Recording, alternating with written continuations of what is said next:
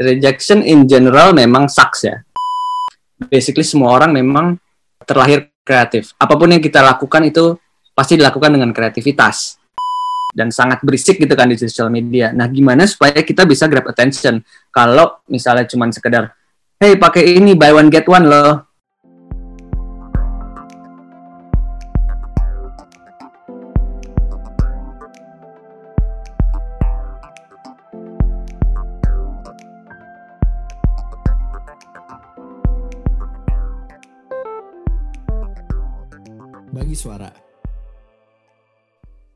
Halo teman-teman Bagi Suara, balik lagi sama gue Sismita di sini. Um, dan hari ini kita kedatangan tamu super spesial. Um, beliau adalah uh, one of my old co ex coworkers juga uh, di salah satu agensi um, di Jakarta Selatan uh, dulu gitu ya. Tapi udah lama banget, by the way kita sebenarnya nggak ketemu cuman ya udah uh, we're catching up again today karena sebenarnya um, pekerjaan dia sekarang jauh lebih menarik pada saat uh, daripada pas dia masih kerja sama gue. Jadi um, kita mau ngobrol-ngobrol nih sama halo TB boleh? Halo halo Met Gigi kerjaan menarik kok dulu jangan bilang gitulah oh iya benar-benar just in case just in case. Dia menarik banget dulu. Gila keren banget dah pokoknya TB oke okay, well hari ini sebenarnya gue uh, pengen ngobrol sama TB karena TB ini uh, kebetulan adalah salah satu member member salah satu uh, tim gitu ya. Tim di uh, Gojek Creative Labs. Uh, yang belakangan ini have been making a lot of waves with their contents gitu ya dan gue sangat tertarik untuk ngobrolin mengenai proses dari semua itu um, dan juga ya I'm just a fan gitu dari kerjaan-kerjaan kalian di Gojek. Jadi gue pengen tahu juga sih secara pribadi uh, sebenarnya di sana tuh kayak gimana sih prosesnya kok bisa sampai di uh, saat ini gitu. And we'll discuss some of the campaigns. Tapi um, sebelum itu boleh nggak jelasin dulu be uh, kira-kira secara singkat gitu ya uh, role lo di Gojek uh, tuh sebenarnya apa sih? Uh, Oke. Okay. Jadi uh, ya saat ini gua menjabat sebagai Associate Creative Director di Gojek di Gojek Creative Labs. Jadi tugas kami di Creative Labs ya bikin campaign uh, market marketing campaign untuk uh, beberapa produk di Gojek. Gitu aja sih simpelnya kayak gitu. Kayak ibaratnya agency uh, dipindahin ke dalam uh, Gojek sendiri gitu, in-house agency. Nah, kita bikin materi-materi komunikasinya untuk segala macam um, produk-produk Gojek. Gitu, simpel banget sih sebenarnya.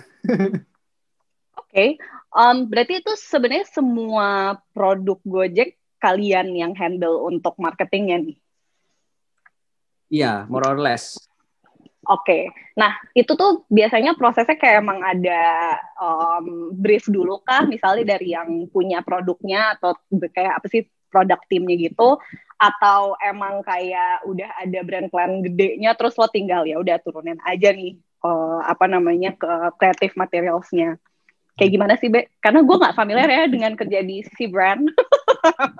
Boleh dijelasin dikit. Ya, persis kayak zaman kita dulu di agency sih. Uh, kalau dulu di agency ada klien gitu kan. Kita terima brief dari klien, itu kan kita rombak brief ya, kita jadiin uh, output uh, kreatif gitu kan. Kurang lebih kayak gitu. Uh, nah di Gojek ya sama aja sih sebenarnya. Jadi uh, bisa dibilang ya kliennya adalah yang punya produk itu. Misalnya GoRide, GoCar atau apa, mereka nurunin brief ke Creative Labs langsung gitu. Bedanya ini kan kalau kita in-house ya, jadi ibaratnya tinggal nengok ke belakang tuh klien lo gitu kan sebenarnya. Jadi uh, mungkin diskusinya, diskusi brief dan segala macam jauh lebih fleksibel karena kita satu kantor, uh, misalnya ada ada yang mau ditanyain bisa langsung ke orangnya yang bersangkutan yang punya produk gitu kan. Uh, jauh lebih fleksibel karena semuanya dilakukan in-house. Jadi kalau dari proses nya sih sama persis kayak uh, agensi biasa sih, kayak kita zaman dulu aja sih, gitu. Oke, okay, oke. Okay. Nah, kalau dari situ nih, um, berarti kalau secara proses mungkin nggak banyak beda ya. Tapi yang menurut gue beda banget nih ya, kayak tadi lo udah sempat point out gitu kan, um, istilahnya lo tektokan sama quote unquote kliennya itu kan lebih gampang karena kliennya juga adalah si produk timnya ini. Nah, itu tuh kayak sampai ke titik di mana lo bisa membuat campaign yang aneh-aneh. And I quote aneh-aneh karena gue baru banget ngeliat si campaign lo sama uh, siapa Inol sama Mas Adam. dan karena itu gue jadi inget gitu kayak aduh gue pengen banget sih sebenarnya ngobrolin sama lo.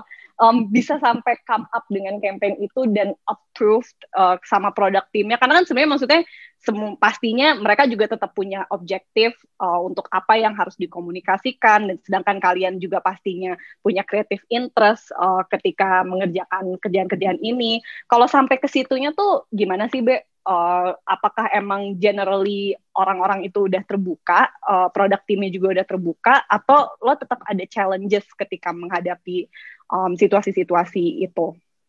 Kalau challenges mah udah pasti ada ya. Uh, cuman mungkin yang yang bikin uh, less challenging adalah karena kita adalah in-house agency ya, bisa dibilang kliennya adalah kita sendiri juga gitu. Jadi um, Gojek itu um, kita semua adalah apa ya? Jadi sense of ownership-nya juga jauh lebih besar karena kita ya memang uh, kerjanya di di Gojek gitu. Jadi bukan sesuatu yang brand yang unknown unknown brand tiba-tiba minta bikinin iklan buat mereka gitu.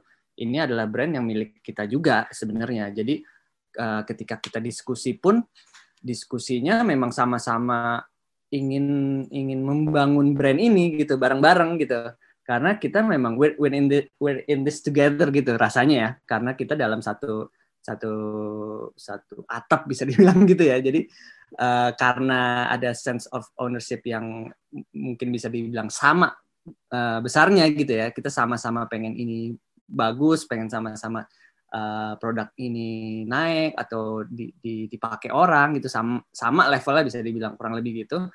Jadi kita saling percaya gitu uh, dan masing-masing divisi mempunyai uh, role-nya masing-masing gitu. Jadi ada yang uh, urus kreatif ya udah. Uh, kreatif territory ya kreatif labs gitu. Kalau yang urusan sales ya udah orang sales yang apa-apa gitu. Jadi memang kita masing-masing memiliki uh, apa ya tanggung jawab sendiri-sendiri dan saling trust aja sih terhadap uh, apa keahlian mereka masing-masing. Jadi nggak yang terlalu ikut campur dapur masing-masing gitu karena uh, we trust each other gitu. We know each other's responsibilities sama skills gitu. Jadi ketika ngomongin kreatif, oke, okay, uh, mereka pun percaya sama kita, sama Creative Labs. Uh, mereka tahu apa role Creative Labs ya memang di dari segi kreatif mau segila apa pun asal masih dalam ruang lingkup briefnya gitu kan sesuai dengan objektif masih diberikan uh, kebebasan uh, kreativitas yang lumayan uh, apa ya besar gitu ya jadi kreatif freedomnya lumayan uh, ya bebas banget gitu uh, tapi tetap harus harus sesuai dengan objektif dari uh, briefnya gitu gitu sih dan okay. makanya mungkin uh, selain itu ketika kita di brief, kita uh, dari anak kreatif pun masih bisa memberikan input tentang brief tersebut gitu. Jadi jadi memang benar-benar prosesnya semuanya tuh kerja bareng, brainstorming bareng gitu. Misalnya ada yang dirasa kurang oke, okay, kurang bagus, kita obrolin bareng-bareng gitu. Dan uh, apa ya, gue rasa memang cara kerjanya begitu kali ya, apa di di uh, environmentnya di Gojek memang seperti itu uh, orang-orangnya gitu. Gitu sih ya rasanya. Okay. Uh, jadi yang kalian lihat outputnya seperti itu yang gila atau apa memang hasil hasil kita kerja bareng semua, semuanya happy, semuanya senang gitu. Oke okay, oke. Okay. Nah kalau tadi itu pas banget lo ngomong gitu ya, karena kalau tadi dari segi birokrasinya nih, Be, kalau dari segi kreatif prosesnya sendiri tuh gimana sih kayak lo sampai bisa nih come up dengan campaign-campaign kayak si Bu Siska dan maksudnya itu gue kayak bener-bener karena gue salah satu pas Bu Siska tuh gue juga salah satu yang ngeliatnya tuh si um, PR rilisnya dulu nih gitu kan. Terus gue baru kayak oke okay, gitu. Tuh semua udah build hype baru ternyata tiba-tiba muncullah si campaign Gojek ini gitu kan. Dan menurut gue itu jeder banget karena kayak anjir gitu. Gue salah satu yang tertipu lah ya um, dengan kondisi itu gitu. Padahal gue juga orang iklan. What does it say about me? I don't know. But in that sense gitu ya be. Um, sampai lo bisa dan lo dan tim lah gitu ya. Uh, sampai bisa idea that far tuh what does it take sih gitu? Karena menurut gue itu juga suatu hal yang timely banget gitu ya. How you craft the whole thing is just um, amazing gitu. Karena menurut gue lo nggak nggak cuman apa ya nggak maksudnya nggak cuman kreatif doang tapi lo juga memikirkan semua jernih um, kampanyenya yang mana ya itulah yang akhirnya membuat gong juga gitu. Nggak cuman karena kontennya lucu gitu um, memang apa ya di di Creative Labs lumayan besar ya uh, divisinya. Jadi memang kita juga kerjanya sama lintas uh, departemen juga ya. Jadi ada yang ada in app ada social media dan lain-lain gitu. Dan dan semuanya under one roof. Dan ketika kita mendapatkan sebuah brief kita sih selalu usahakan gimana supaya campaign ini nggak cuman sekali keluar gitu. Harus ada jerninya at least ada 360 campaign-nya lah. Uh, supaya supaya apa ya sebenarnya? Ya lebih lebih gong aja sih ya uh, kontennya. Jadi benar-benar kedengeran nggak cuma di TV tapi sosial media ke ke apa billboard ke mana-mana gitu ke, ke radio gitu. Um, dan karena kita di Creative Labs itu memang setiap menerima brief tuh kita anggap sebagai sebuah challenge yang lumayan kayak wah ini bisa diapain ya? Ini uh, how do we turn this ordinary brief into something exciting gitu ya selalu kayak gitu sih di di pushnya sama bos gue uh, Bahari jadi dia selalu ngepush anak-anak supaya uh, gimana uh, kita mengubah sesuatu yang biasa menjadi uh, luar biasa gitu kan uh, karena bisa aja brief brief kan bisa aja keluar dengan ya promo gitu kan atau yang sesuatu yang biasa banget. Terus uh, kita juga ngelawan uh, apa ya? Kalau di sosial media kan sangat bising ya. Jadi kita ngelawan nggak cuma ngelawan kompetitor tapi ngelawan brand yang bukan kompetitor juga ataupun bahkan ngelawan orang yang membuat sensasi apa pun itu atau kayak isu yang lagi terjadi di dunia maya itu kan lawan kita semua tuh dan sangat berisik gitu kan di sosial media. Nah, gimana supaya kita bisa grab attention? Kalau misalnya cuma sekedar hey pakai ini buy one get one loh.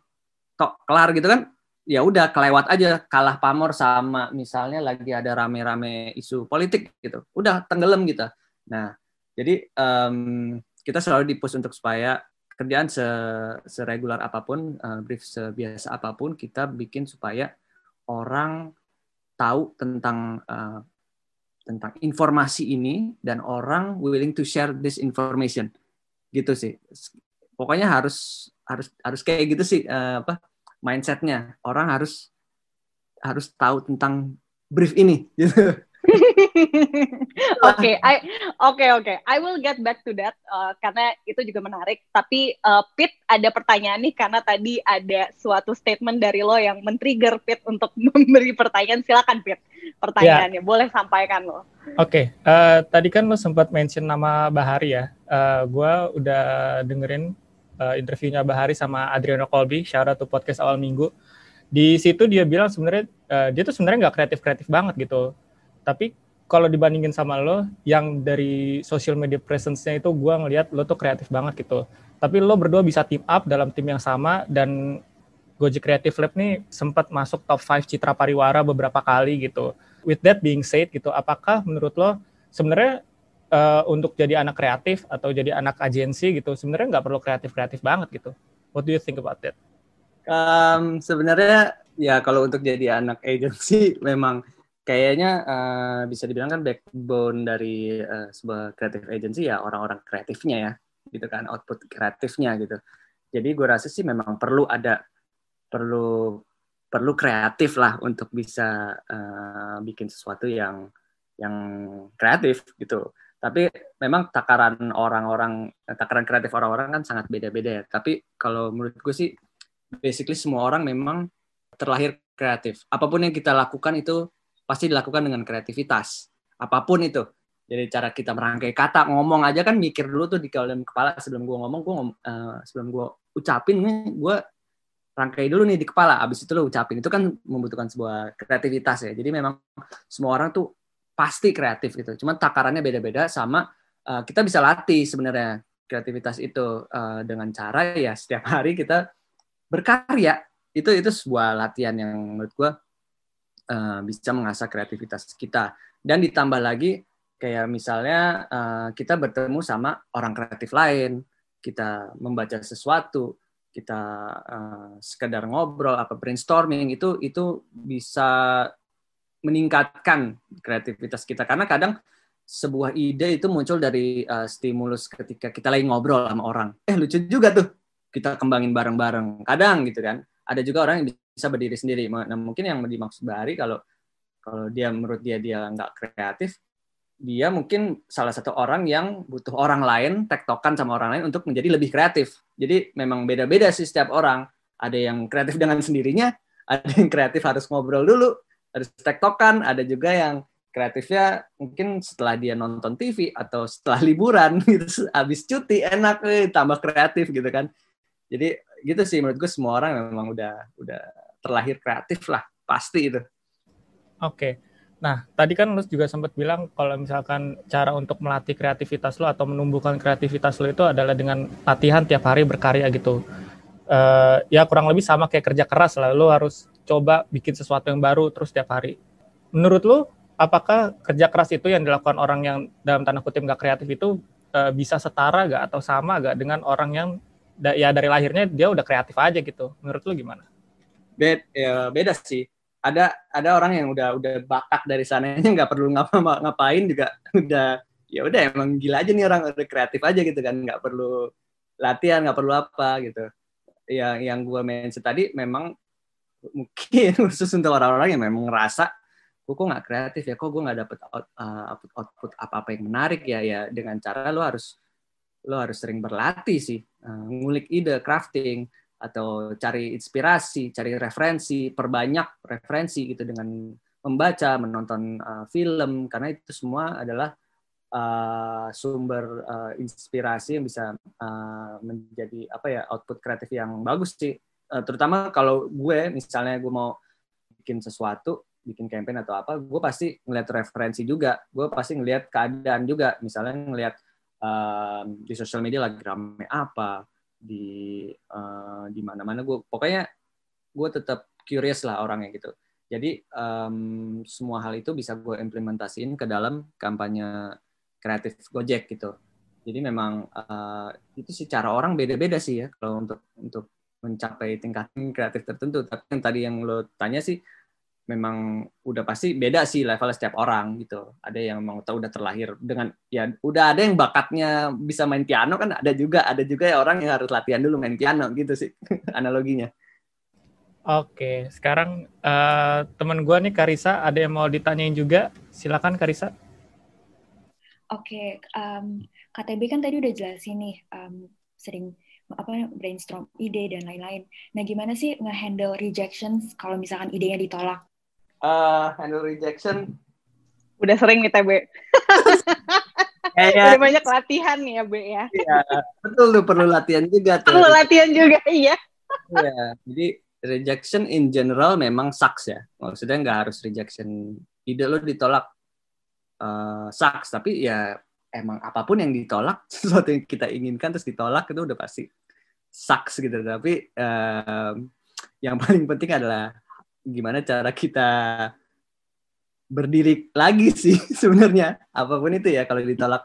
Nah kalau dalam hal ide memang kalau kalau ditolak dan kita ngerasa ini ide yang bagus banget nggak lo harus approve gitu. Kalau memang kita yakin banget uh, ya kita berusaha untuk convince aja orang yang yang kita uh, trying to convince gitu jadi ya udah kita perbanyak referensinya kita cari data uh, kenapa ide ini bisa uh, bekerja dengan baik, kenapa ide ini akan sangat uh, bagus buat brand kita.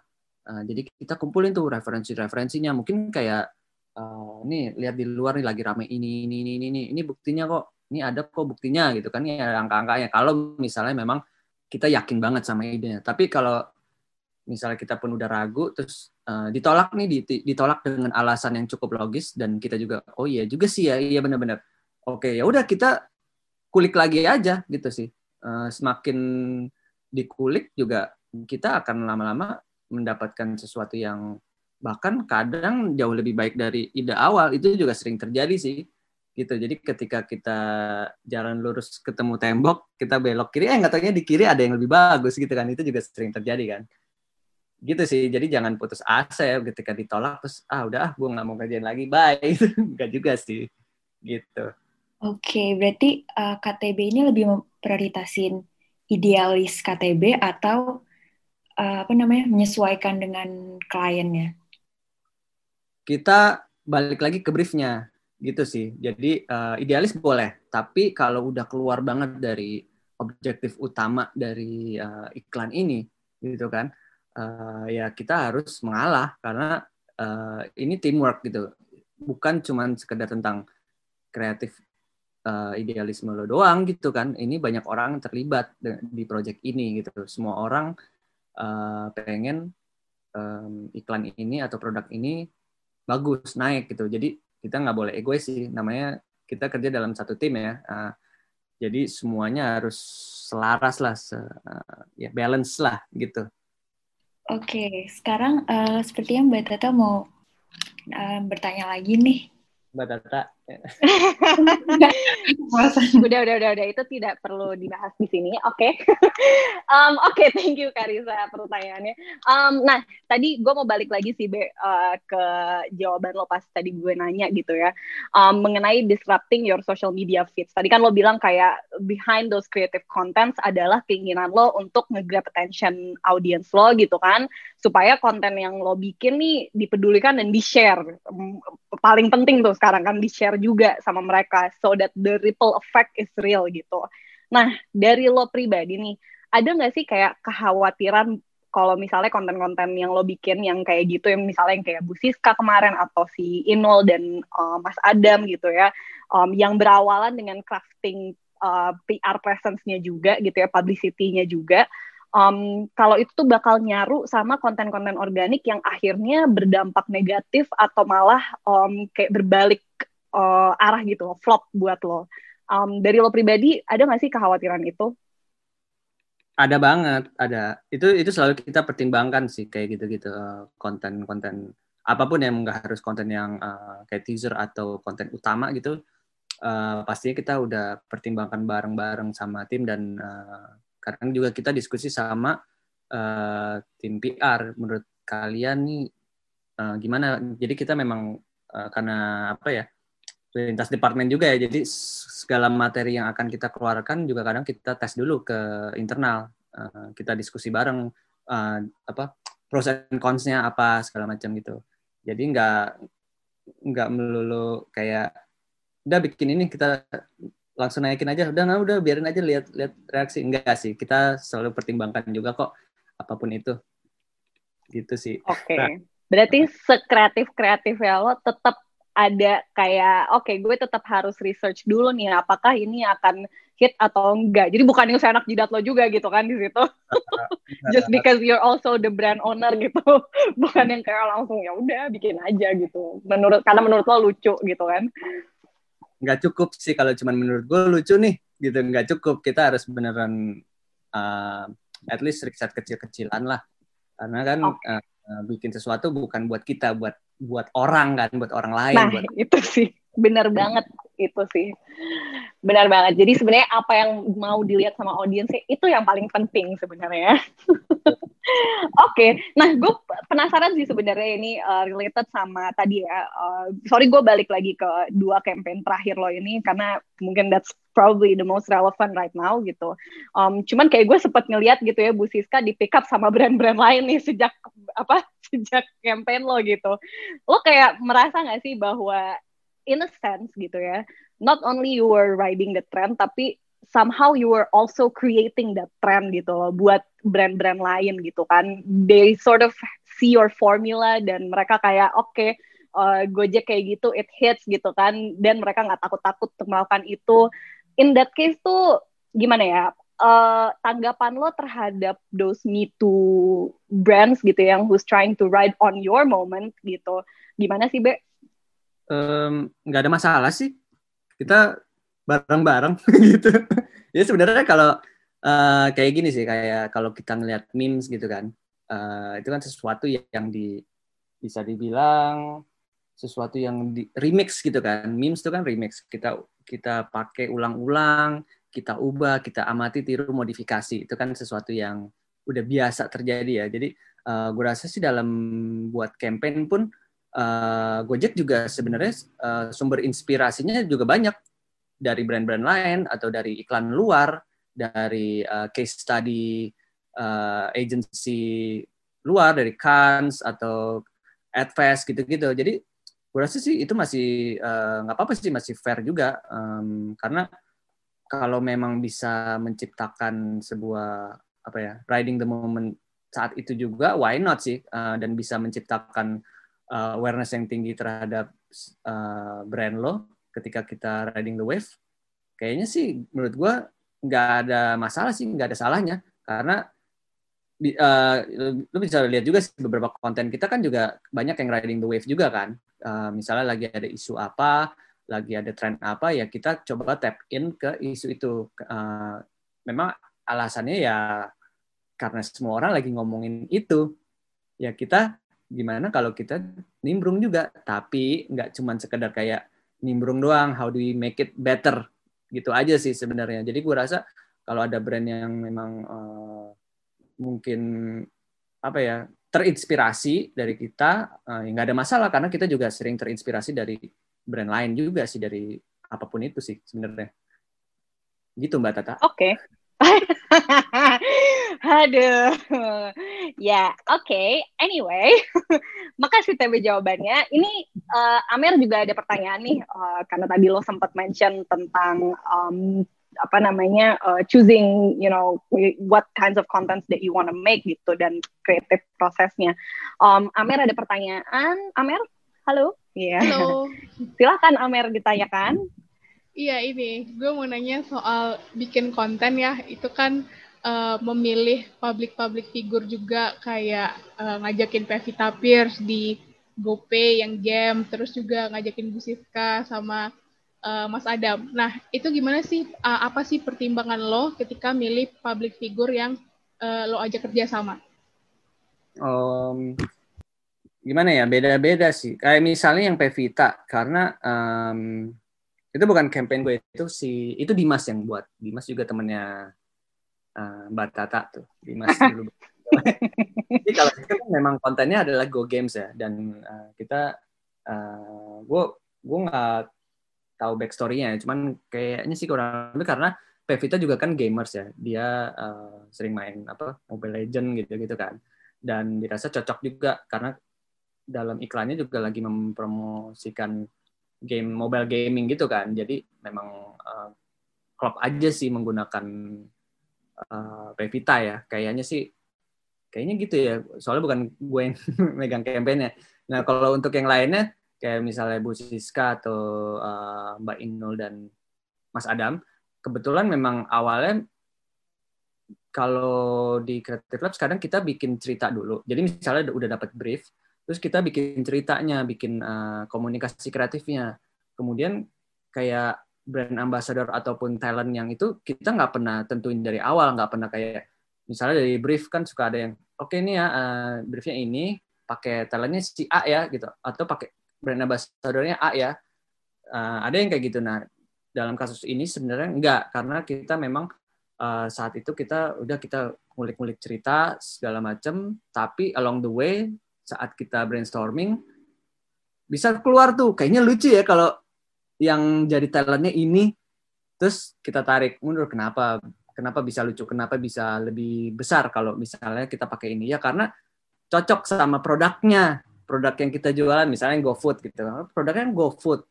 Terus uh, Bu Siska kan legend legend masak ya. Dia uh, koki yang melegenda gitu kan dari zaman kapan tahu udah lama gitu kan. Dan semua orang kenal dia gitu. Dan kita jualan GoFood promo saat itu.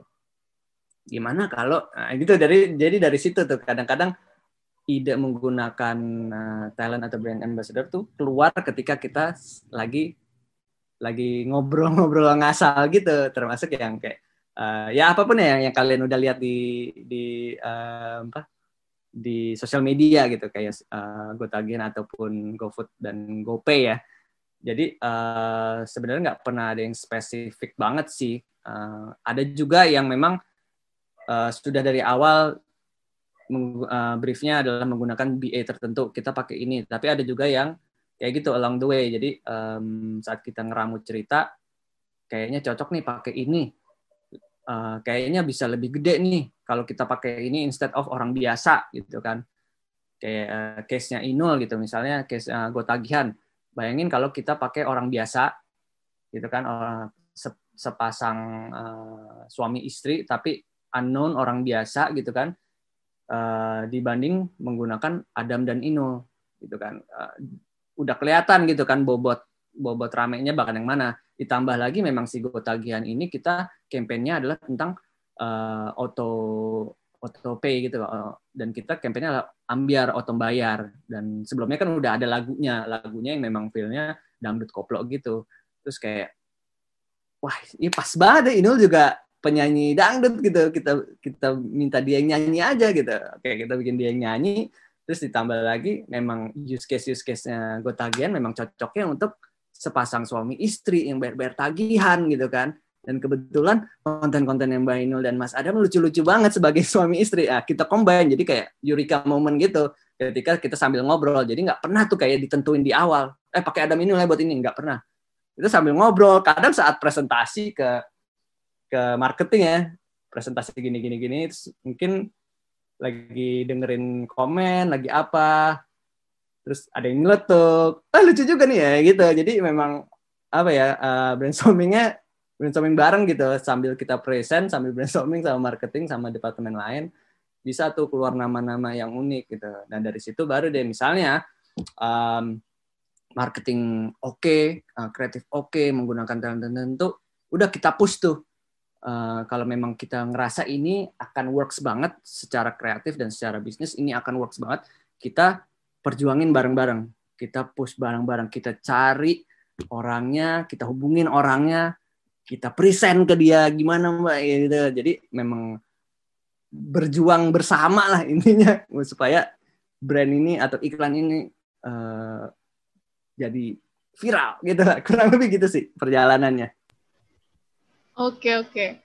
Uh, terus ini nih ketika lo udah dapet nih ceritanya terus uh, orangnya nih yang cocok udah dapet juga udah diajakin juga nih udah pitching segala macam nah pernah nggak sih di, ditolak ajakan kerjasamanya atau atau karena Gojek ini udah jadi brand yang gede justru orang-orang tuh sangat terbuka dengan ajakan kerjasama itu?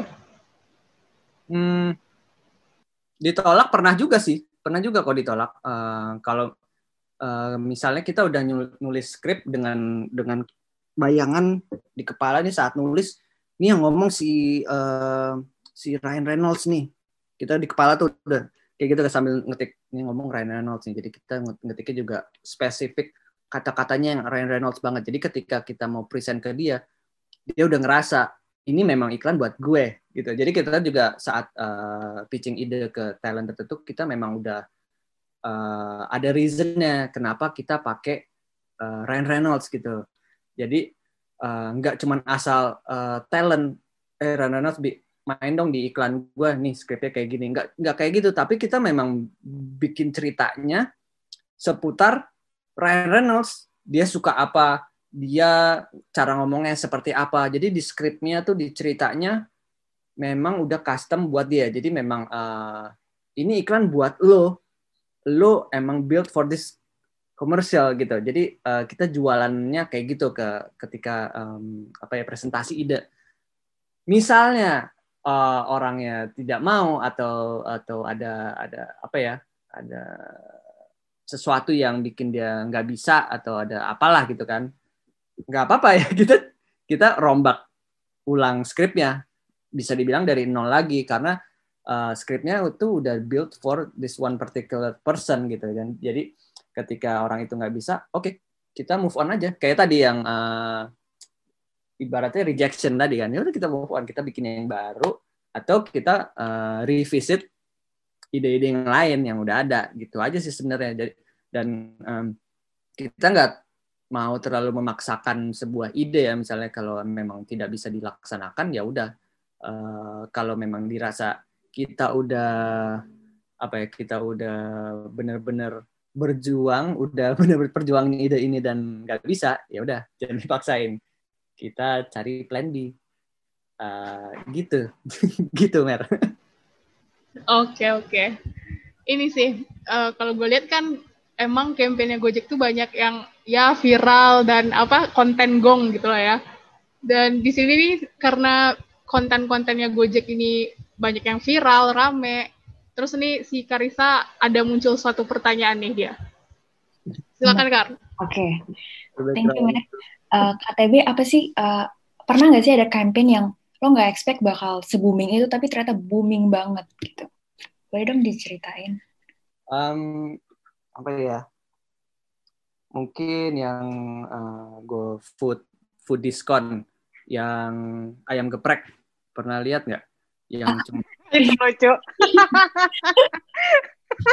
itu kan simpel yeah, banget yeah. ya.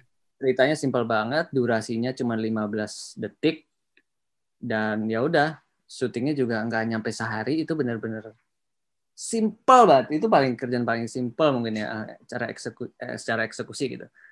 Dan kita juga nggak nyangka banget ternyata iklan itu iklan sependek itu orang banyak yang suka gitu kan. Uh, dan ternyata rame di TikTok juga banyak yang duetin uh, audionya.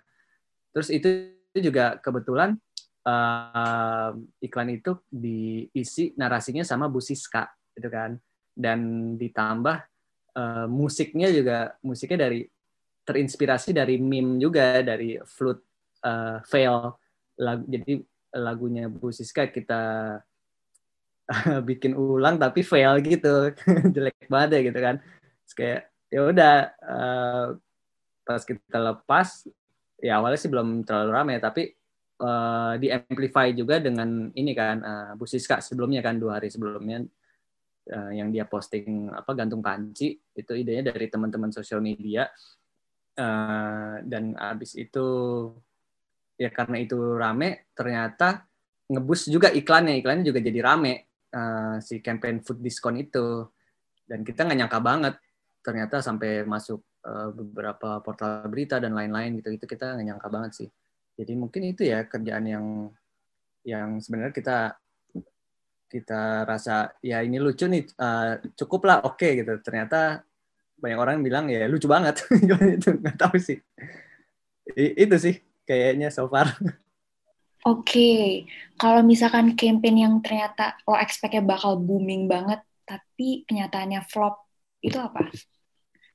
Um, apa ya? Nggak recall nih yang kayak gitu-gitu Wah, ada nih, wah. Selective, selective memory ya lo. iya, yang gitu udah lah dilupain aja. Gak, gitu. gak ada yang flop, gak ada yang flop gitu. Nah, eh, Bebe, tapi gue mau nanya deh, kalau yang pada apa kan gue suka bacain tuh ya. Dulu ya dulu ini uh, was a thing sih karena nggak ada orang yang baca updatean uh, aplikasi gitu kan. Terus ternyata kopinya Gojek kayak gitu gitu, nyeleneh. Nah, itu tuh ininya dari mana? Mana sih dari produk atau dari kreatif? Ya itu dari anak-anak UX uh, eh, UI. Jadi mereka punya copywriter sendiri, punya desainer sendiri. Jadi semua yang berhubungan sama yang di dalam aplikasi itu ada departemennya uh, sendiri, uh, kreatifnya UX UI. Uh, bisa di follow Instagramnya mereka apa sih Gojek Design. Nah, iya, gue follow di itu sih. Nah, mereka tuh yang mereka lah kreatif uh, untuk aplikasi. Jadi segala macam update aplikasi gitu kan. Terus atau desain-desain yang yang kalian lihat di dalam tuh ada uh, kalau di scroll ke bawah kan ada gambarnya itu mereka yang buat. Uh, ilustrasi uh, Gojek itu mereka yang buat gitu. Dan uh, mereka punya copywriter sendiri dan ya itu juga uh, lucu banget sih memang konten-konten uh, yang mereka buat terutama yang di update aplikasi ya jadi sebenarnya gue nggak terlibat sama sekali dengan itu. Uh, itu memang mereka sendiri yang bikin. Tapi setiap ada campaign dari kita gitu, kita share juga ke mereka. Jadi gimana supaya uh, inline. Jadi misalnya um, kita lagi ngomongin A, at least ketika mereka menulis untuk update aplikasi ada hint of A juga gitu. Contoh misalnya kemarin kita bikin untuk campaign hari jadi kita kan pakai rosa ya uh, dengan iya Iya, karaoke. Judulnya kan ku menangis gitu kan. Kita ubah jadi ku menang. Nah, terus uh, kita ngobrol juga sama anak-anak uh, kreatif UI UX itu. Dan gimana ya gimana supaya inline nih kita implementasiin campaign ini ke dalam uh, campaign juga uh, ke dalam aplikasi juga. Ya mereka kalau dilihat mereka bikin update-nya juga tentang itu. Aku menangis bla bla bla gitu gitu. Jadi kayak karaoke gitu kan. Terus uh, mereka juga gambar ilustrasi ilustrasinya uh, sesuai dengan campaign kita yang rosa itu jadi memang uh, setiap ada campaign kita share ke mereka ya intinya sih kita usahain semuanya harus inline 360 gitu sih. Nggak cuman di sosial media ataupun uh, media outdoor ya, tapi di aplikasi kita sendiri pun harus uh, sama lah gitu. Jadi orang buka aplikasi tentang itu, orang buka uh, apa sosial media Gojek tentang itu, orang ngelihat keluar ada billboard tentang itu gitu. Gitu sih. Oke, okay, oke. Okay.